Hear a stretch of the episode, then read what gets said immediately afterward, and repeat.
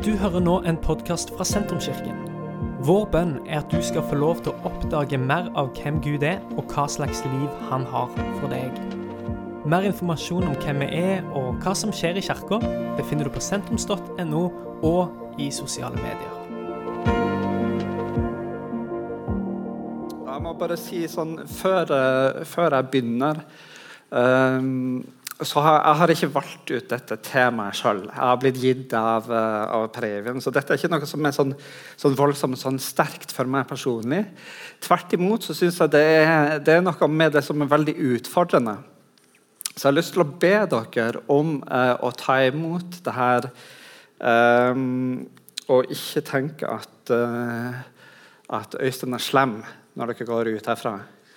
Uh, for den, det er noen ting ved det som jeg skal dele i dag, som har uh, litt sånn brodd i seg. Men før jeg begynner på det temaet som vi går inn i nå, det er Gud er hellig. Det som kan være litt greit for dere som uh, kanskje ikke har vært her hver søndag, det er at hele temaet for høsten i kirka det er 'Hvem er Gud?' eller 'Gud er'. og Vi har snakka om at Gud er treenig, vi har snakka om Gud som far. Eh, og du som ikke har fått med deg eh, de, eh, vil anbefale deg å gå hjem og høre på podkast. Det finner du både i, Apple Podkast og Spotify og overalt der du finner podkaster.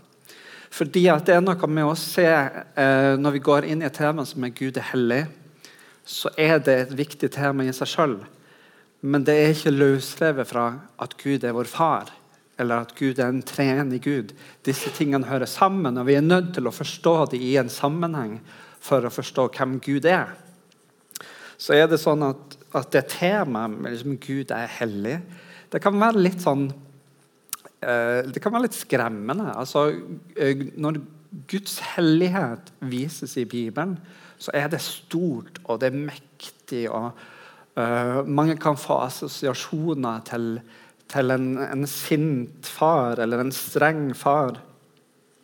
Gud som er veldig, som er mektig, eh, som straffer alle disse tingene.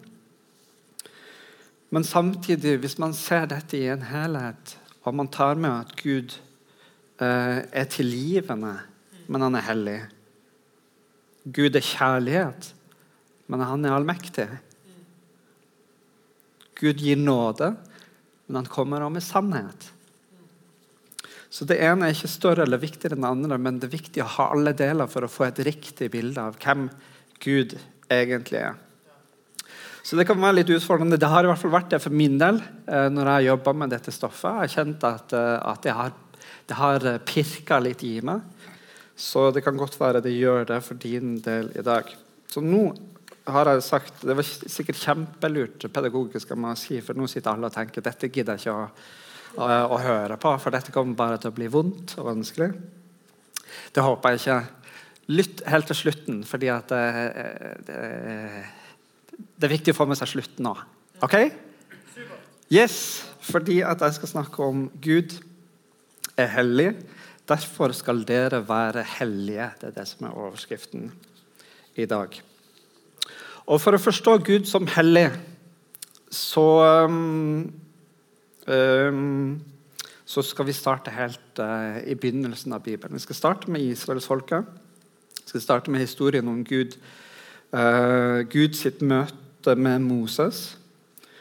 Og vi skal se hvordan uh, israelsfolket ble tatt til slaver i Egypt. Og Gud som fører dem ut av slaveri til et nytt liv i et nytt land hele den historien der i andre eh, Mosebok den former Bibelens bilde av Gud. Hvem Gud er. Og dermed også sånn som vi kan se Gud. Jesu død og oppstandelse det peker tilbake på frelse fra slaveri. Når vi tar nattverd, så minnes vi Det var et minnesmåltid som jødene brukte når de ble fridd ut fra slaveri. Gud setter fri fra slaveri. Gud fører gjennom ørkenen. Gud leder til land med overflod. Det får meg et bilde av hvordan Gud er. Og det sier kanskje noe om hvordan livene våre ofte, ofte er. satt fri, ført gjennom ørkenen til land med overflod. Moses han var den jødiske mannen som vokste opp som adoptert hos farao. Han var en egyptisk prins. Han kjenner kall fra Gud til å fri sitt folk fra slaveri. Han blir jaga ut i ørkenen etter at han har drept en mann. Og så ender han opp som sauejeger i Midian. Langt fra sitt livskall. Langt fra der han trodde han skulle være. Mens han gjeter sauer og leder dem rundt på Sinai-fjellet, så ser han at det brenner i en busk. Men busken brenner ikke opp. Gud snakker til Moses gjennom den busken. Han sier, 'Ta skoene av føttene, for det stedet du står på, er hellig grunn.' Gud er til stede i den brennende buska. Gud er hellig, derfor er det stedet hellig. Og Moses han responderer på det ved å ta av seg føttene. Ta av seg føttene. Han tar av seg skoene. Det er det samme som vi gjør når vi går inn i et hus. Eh, vi vil ikke ta med oss eh, skitten og støvet som er ut forbi. Vi vil ikke at det skal bli urent inne. Vi behandler huset annerledes enn gata utendørs. Moses han vil ikke la noe skittent eller noe urent komme nær Gud. Det er et bilde på hellighet. Så kaller Gud Moses til å lede folket ut av Egypt. Gud skal være med dem, han skal lede dem til et fruktbart land. Han skal gå foran dem og beskytte dem. Han skal være deres Gud. Og så leder Moses dem til Sinai-fjellet. Igjen, der han har møtt Gud før.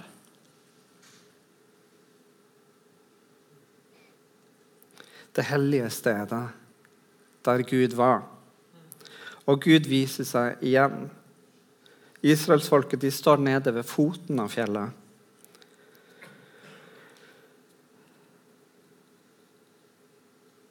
Og de blir redde og nervøse av det de ser og det de føler. Gud snakker til Moses igjen og sier at folk ikke skal komme nær. Hvis de ikke får lov til å komme nær, de får ikke lov til å respondere på den samme måten som Moses gjorde når han kom inn i Guds hellighet. Hvordan var det Gud ville at de skulle respondere på hans hellighet?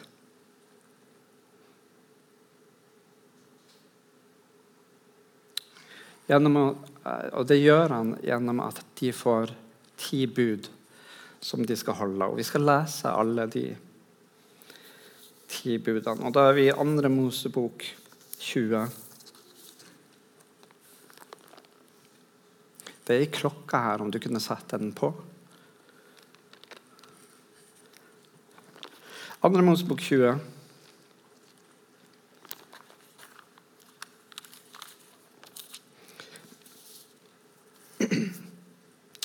Gud talte alle disse ordene. Jeg er Herren din Gud, som førte deg ut av Egypt, ut av slavehuset. Du skal ikke ha andre guder enn meg. Du skal ikke lage deg gudebilder. Ingen etterligning av noe som er oppe i himmelen eller nede på jorden eller i vannet under jorden. Du skal ikke tilbe dem og ikke la deg lokke til å dyrke dem. For jeg, Herren din Gud, er en nidkjær Gud som straffer barn i tredje og fjerde ledd for fedrenes synd når de hater meg, men viser trofast kjærlighet i tusen slektsledd mot dem som elsker meg og holder mine bud. Du skal ikke misbruke Herren din Guds navn, for Herren frikjenner ikke den som misbruker Hans navn. Husk sabbatsdagen og hold den hellig. Seks dager skal du arbeide og gjøre all din gjerning, men den sjuende dagen er sabbat for Herren din Gud. Da skal du ikke gjøre noe arbeid, verken du eller din sønn eller din datter verken slaven eller slavekvinnen din, verken buskapen din eller innflytteren som bor i byene dine. For på seks dager laget Herren himmelen og jorden, havet og alt som er i dem, men den sjuende dagen hvilte han. Derfor velsignet Herren sabbatsdagen og helligheten. Du skal hedre din far og din mor, så du kan leve lenge i det landet Herren din Gud gir deg. Du skal ikke slå i hjel. Du skal ikke bryte ekteskapet. Du skal ikke stjele. Du skal ikke vitne falskt mot din neste. Du skal ikke begjære din nestes hus. Du skal ikke begjære din nestes kone, slaven eller slavekvinnen hans, oksen eller eselet hans eller noe annet som hører din neste til. Hele folket var vitne til tordenbrakene og lynglimtene, lyden av bukkehorn og røyken fra fjellet. Folket så det og skalv og ble stående langt borte. De sa til Moses, 'Tal med oss du, så skal vi høre.' Men la ikke Gud tale med oss, for da kommer vi til å dø. Da sa Moses til folket, 'Vær ikke redde. Gud er kommet for å sette dere på prøve, og for at dere skal frykte ham, så dere ikke synder.' Så ble folket stående langt borte, mens Moses Moses nærmet seg den tette skodden hvor Gud var. Um, å snakke om de ti bud i dag i, i sentrumkirka uh, kan for noen virke litt rart. Jeg vet i hvert fall at um, jeg vokste opp i en, en pinsekarismatisk baptistkirke. Der de ti bud det, det var ikke noen ting som vi lærte. Eh, det er jo litt forskjellig hva, hvilken kirke man, eh, man har gått i før. Men det å pugge de ti bud, det gjorde vi ikke i den kirka jeg gikk. Vi gjorde det på barneskolen. vel å merke. Der pugga vi de ti bud, men ikke, ikke, i kirka. For jeg kom fra en plass der det, det var tona ned. Men gjelder de ti bud i dag? er spørsmålet. Hvordan skal vi som kristne forholde oss til de ti bud? Siden frelsen den er av nåde ved tro, trenger vi da å holde de ti bud? Og Noen sier nei. Det gjør vi ikke. Fordi frelsen den er allerede klar gjennom tro. Trenger ikke å holde budene. Det er ikke så farlig om man tråkker over de. Ikke så farlig om man bryter dem. Martin Luther reformasjonens far. Han kjempa med Gud.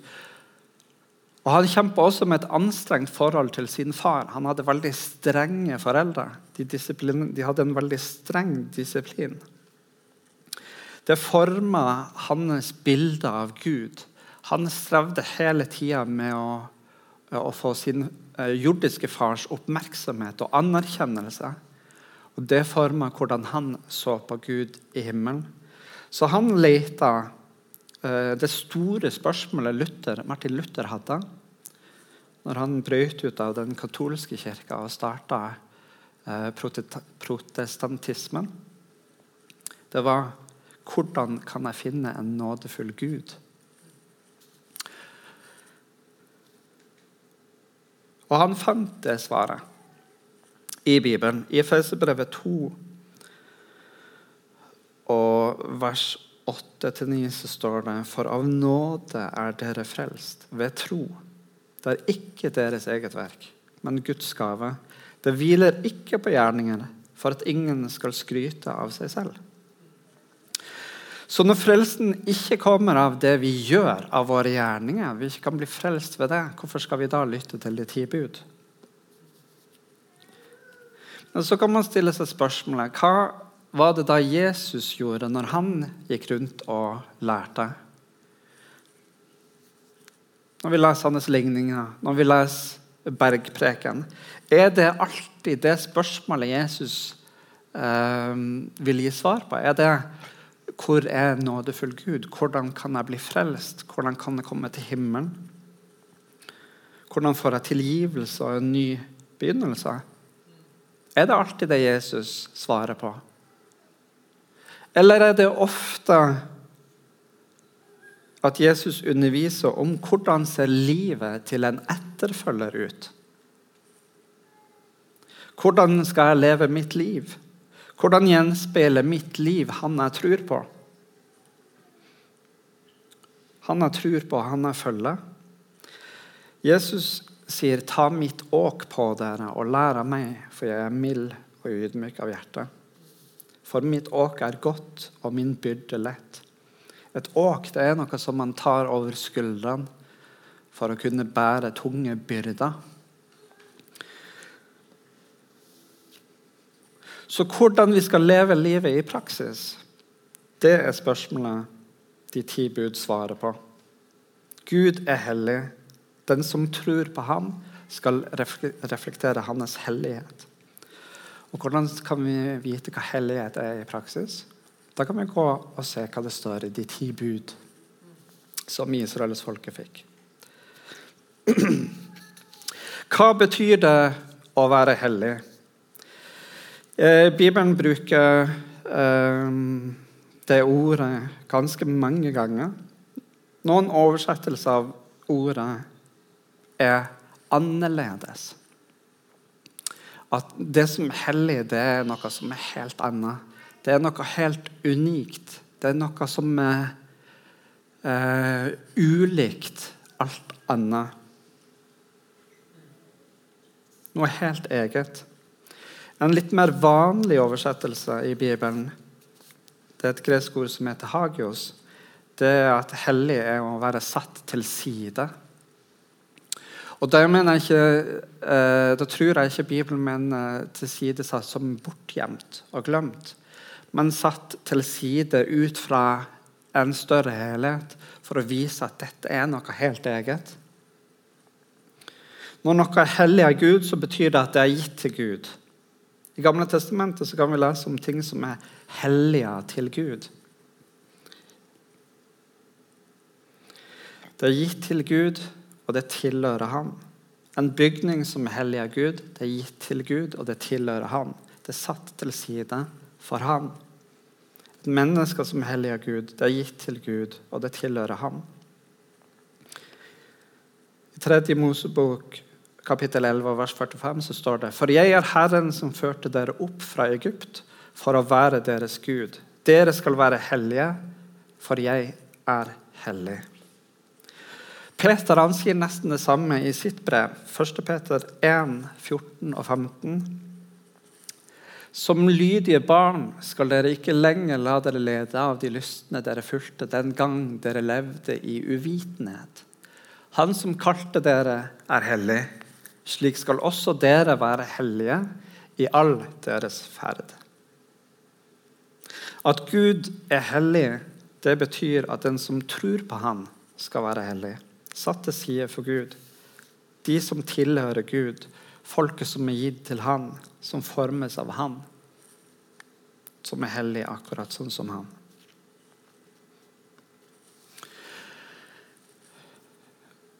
Vi skal faktisk gå gjennom de ti budene nå. og Neste punktet som jeg har tenkt å snakke litt om, det er at hellighet er tilbedelse. Moses han sto på hellig grunn. Derfor tok han av seg skoene. Hans forståelse av Gud fikk en konsekvens. Ingenting skittent skal røre Gud. Ikke noe ureint skal komme nær. Jeg tar av meg skoene. Så vår respons på Guds hellighet kan oppsummeres eh, i to punkter. Det ene er at hellighet er tilbedelse. Det andre er at hellighet er å elske mennesker. Vi skal snakke om tilbedelse først. Fordi De fire første budene i de ti budene handler faktisk om det. Om hvordan vi tilber. Og Da er det første budet du skal ikke ha andre guder enn meg.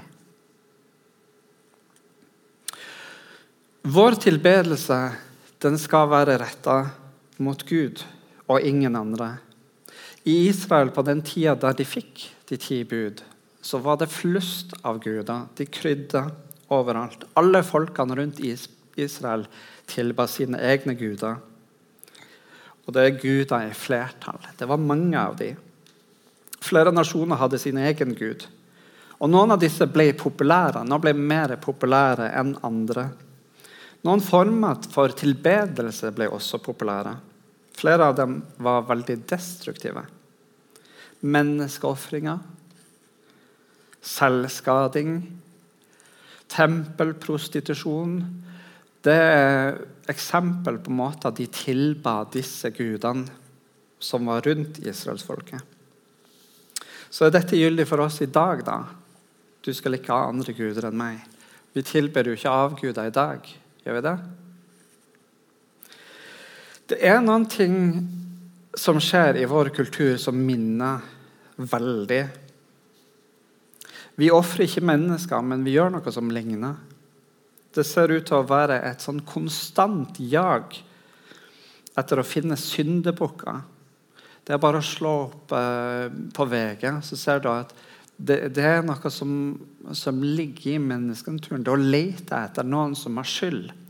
Harry Maguire uh, i, uh, i, United, som har hørt om han? United har gjort det litt dårlig. Det var én person uh, som, som, virkelig har blitt en syndebukk i, i den siste tida. Det er Harry Maguire. Han får hele skylda for alt det de andre har gjort. Eller alt det rundt ham. Det er jo et gigantisk lag. Men det er han som får skylda. Politikere i Norge ser vi ofte. De får skylda for ting Når det går galt, så er det noen vi leter. Vi leter etter noen vi kan legge skylda på. Selvskading og selvpining det er også noe vi kjenner til i ulike former. Også veldig tydelig i den tida vi vi lever i.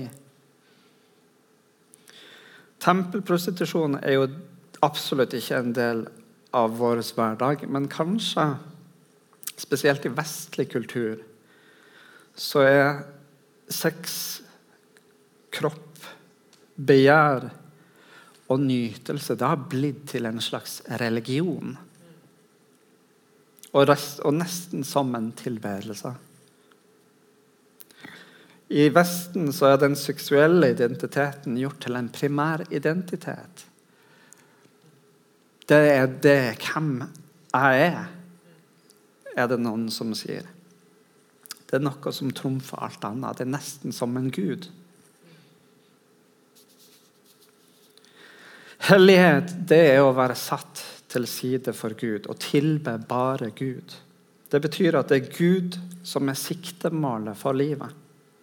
Alt annet er retta inn mot Han. Å tilbe det er å gi oppmerksomhet til, tid til å, å sikte på Gud. Hvis du har vært her mer enn eh, et par ganger, så har du helt sikkert hørt Per Eivind snakke om eh, pil og bue-siktinga. Eh, si. Når du tar en pil og bue, eh, så er det du sikter mot, det er det du vil treffe. Det er det du ønsker å treffe. Det er det du gjør når du tilber. Du sikter imot noe. Og vi skal la det siktet være Gud. En annen måte å si det på er at Gud er sentrum av tilværelsen. Alt annet sentrerer seg rundt det. Å sentrere sitt liv rundt Gud og sikte på Gud. Begge deler hjelper oss til å få det andre i god balanse tilbe Gud og ingen andre. Vi skal ikke lage oss gudebilder som han tilber. Det er det andre budet. Kanskje i vår tid så står vi i fare for å lage Gud i vårt eget bilde. At Gud blir mest mulig lik meg. At jeg ser først på meg sjøl, og så lager jeg et bilde av Gud som passer med det. Og så tilber vi det bildet av Gud. Romerbrevet snakker om det å tilbe det skapte i stedet for å tilbe skaperen. Det er noe som jeg syns er mulig å se konturene av i vår kultur. Det blir feil. Det blir en forlengelse av selvtilbedelse når vi ikke lar Gud være Gud, men vi former Gud til å bli et bilde av oss sjøl. Det er jo motsatt av hvordan det egentlig skal være. Tredje bud er vi skal ikke misbruke Guds navn. Og Det å misbruke Guds navn det er ikke Når jeg var liten, så tenkte jeg at det, det betydde å banne. Uh, og Av og til når jeg er voksen, så tenker jeg kanskje at det fortsatt betyr å banne. Men det er mer enn det òg. Det er ikke bare banning som kommer inn under der. Å misbruke mitt navn det vil være å knytte meg til ting som ikke har med meg å gjøre. Det vil være å sitere meg uten at jeg har sagt det. Eller å ta det jeg har sagt, ut av sammenheng. Hvis du går ut herfra og sier Øystein sa at alle eh, dere er idioter, så har jeg aldri sagt det, men du sier at jeg sier det. Det er et misbruk av mitt navn. Men når vi misbruker Guds navn, så betyr det at vi skal være veldig forsiktige med hva vi sier at Gud har sagt. Hvordan vi tolker det som han sier. Og vi er nødt til å se ting i sammenheng. Fjerde bud er å holde sabbaten. Det er å legge bort arbeid og bruke tid på rekreasjon, på fellesskap, på hvile og på tilbedelse. Og så skal vi huske at Mennesket er ikke til for sabbaten, men sabbaten er til for menneskene. Det er godt for mennesket å hvile, og det er godt for oss å tilbe. Hellighet, det å tilbe Gud. De fire første budene de hjelper oss å gjøre det rett. Ikke tilbe andre guder. Ikke lage seg gudebilder. Ikke misbruke Guds navn. Og hvile. Det siste, tredje punktet det er hellighet er kjærlighet til andre mennesker.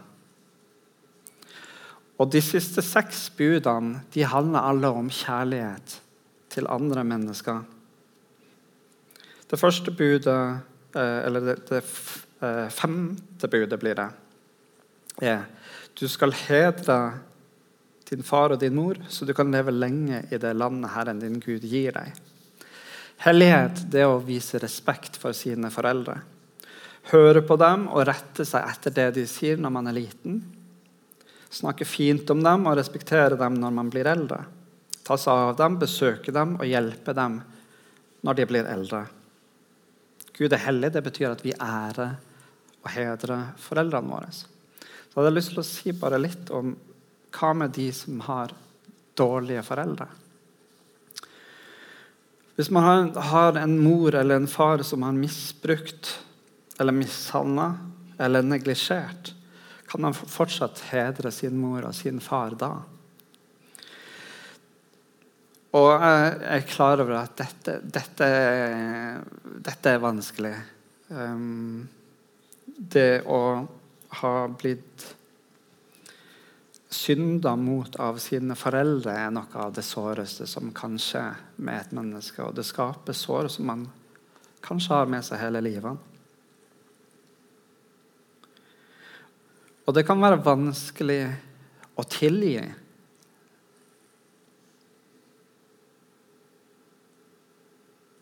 Men jeg tror, jeg tror Gud han ser til våre hjerter, og at han ønsker å hjelpe oss.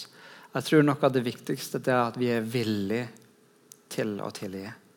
At vi ikke bestemmer oss for nei, den personen, den personen kommer jeg aldri til å tilgi.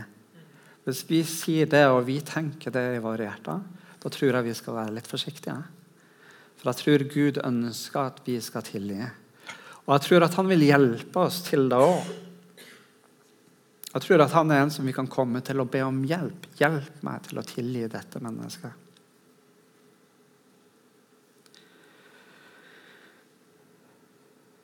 Å hedre vår far og mor betyr heller ikke at vi skal gjøre alt det de sier. Og Noen ganger så er det faktisk viktig å sette opp trygge rammer. Hvis man har en far eller mor som har misbrukt eller mishandla, så er det viktig å sette opp trygge rammer for sitt liv nå, og grenser rundt oss sjøl ramme mellom oss og de som har begått urett mot oss.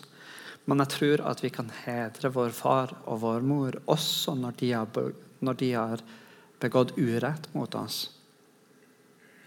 Ved å være villig til å tilgi, til å prøve. Ved å ikke snakke vondt om dem, og ved å be for dem. Hellighet det å ikke slå i hjel. Livet er hellig. Menneskelivet er uendelig mye verdt, for vi er skapt i Guds bilde. Menneskeverd er en kristen tanke. Det kommer fra Bibelen. Gud er hellig. Menneske skapt, menneskelivet er skapt i Guds bilde, og det, det er derfor hellig. hellig. Derfor tar vi ikke menneskeliv. Vi avslutter ikke livet, verken før det er født, eller når det går mot slutten.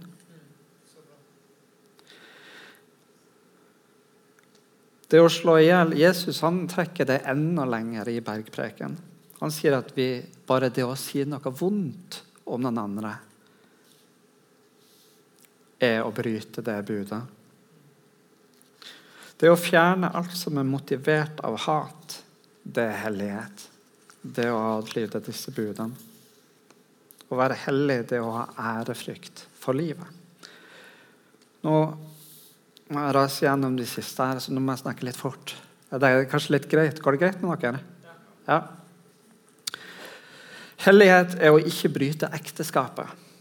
Hellighet er å holde fast ved ektefellen sin. Ikke bare når det er lett, men også når det er vanskelig. Og kanskje særlig da. Hvem trenger ekteskapsløfter når ekteskapet glir lett? Det er i sykdom, i motgang, i krangel, i konflikt og i uenighet at vi må holde fast. En annen oversettelse av um, å bryte ekteskapet det er å drive hor. Det er tydelig at dette handler om sex, og det handler om sex innenfor rammen av ekteskap. Hellighet det er å behandle sex hellig. Det var akkurat det mange folkene rundt Israel ikke gjorde. Sex ble brukt som tilbedelse. Templene hadde tempelprostituerte, og man gikk til tempelet for å tilbe. Men den som tror, kan fortsatt gjøre sex hellig og feire det innenfor ramma av ekteskap. Hellighet er å ikke stjele. Trenger egentlig ikke å, å utdype det, men ta ikke det som ikke er ditt. Vær ærlig når du fører timene dine på jobb. eller når du sender en faktura. Unn andre det de har, og forsøk ikke å ta det. Hellighet er å ikke lyge. Vi skal snakke sant, vi skal være til å stole på. Vi skal la vårt ja være et ja og vårt nei være et nei.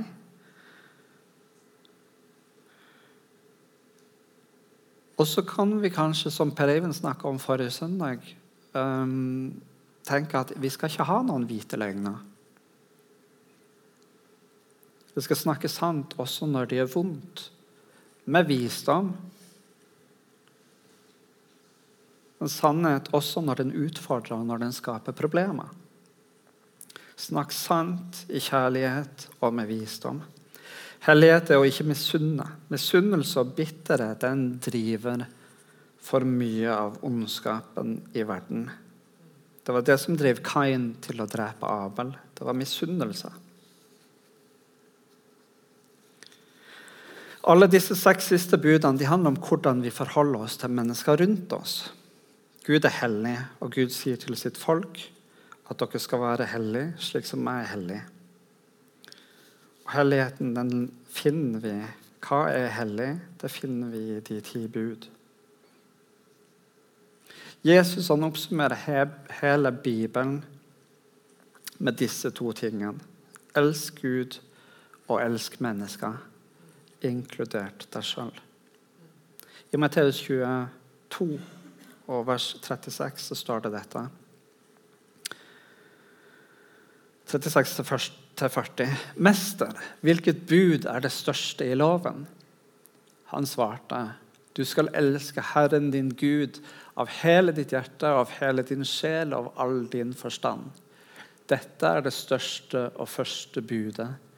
Men det andre er like stort. Du skal elske din neste som deg selv.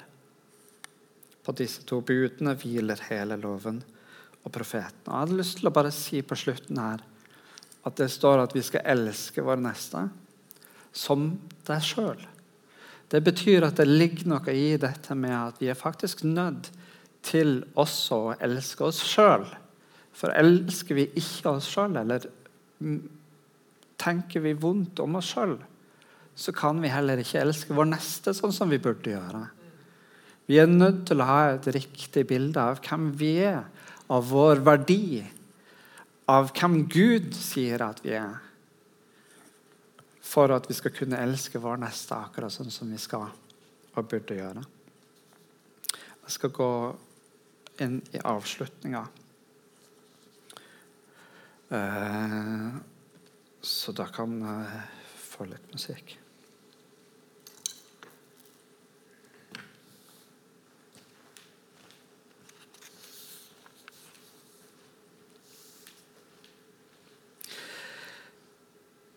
Hele folket var vitne til tordenbrakene og lynglimtene, lyden av bukkehorn og røyken fra fjellet.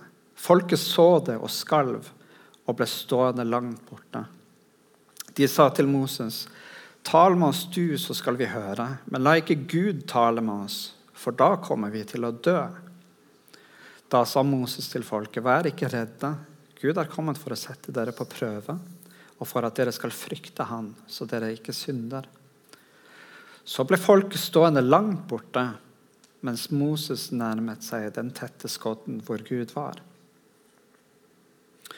Folket ble stående langt borte. De var redd. De skalv. De så en hellig Gud. De turte ikke å komme nær.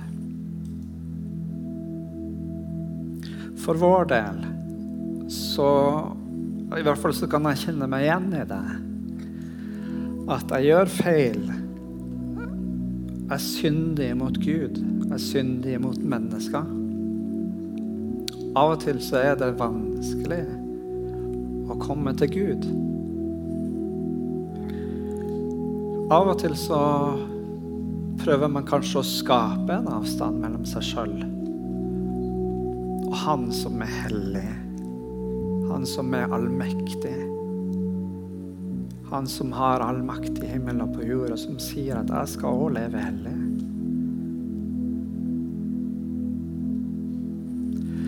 Men så kom Jesus. Han ga seg sjøl. Han ga sitt eget liv. Det står at forhenget i tempelet revna. Forhenget som skilte det aller helligste fra andre mennesker. Vi kunne komme inn i det aller helligste på grunn av det Jesus gjorde. Og det aller helligste kom ut til oss. Gjennom Jesus så kan vi komme nær.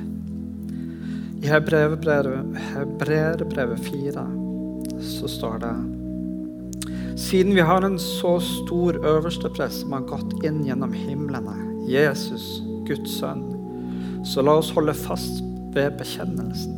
For vi har ikke en øverste prest som ikke kan lide med oss i vår svakhet, men en som er prøvet i alt på samme måte som vi, men uten synd.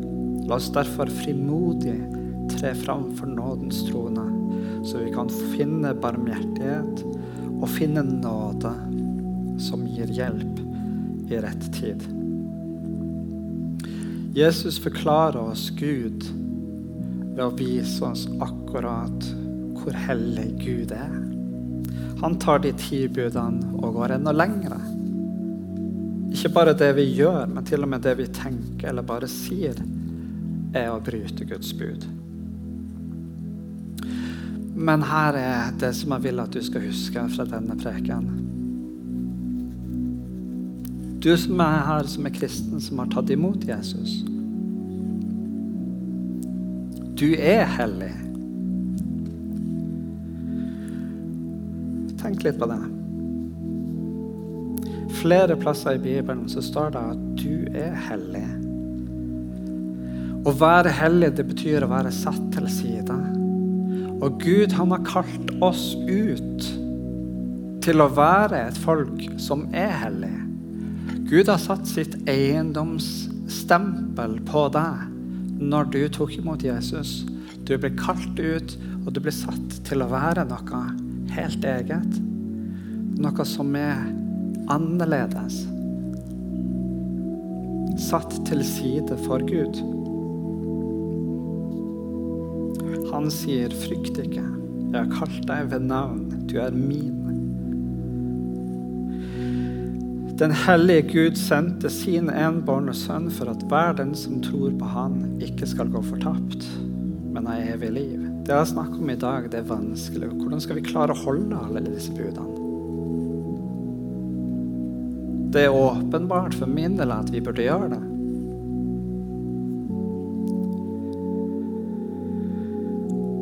Svaret er at vi klarer det ikke. Men det betyr ikke at vi skal gi opp.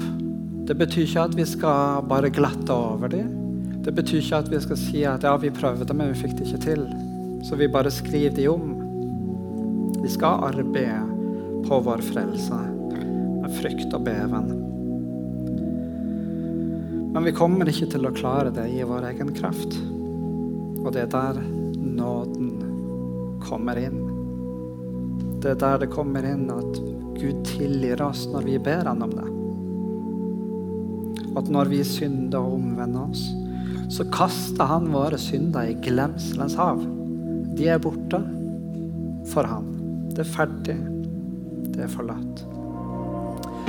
Dette er slutten på denne podkastepisoden. Har du spørsmål om Jesus, om tro, om livet, så er du hjertelig velkommen til å ta kontakt med oss via sentrums.no.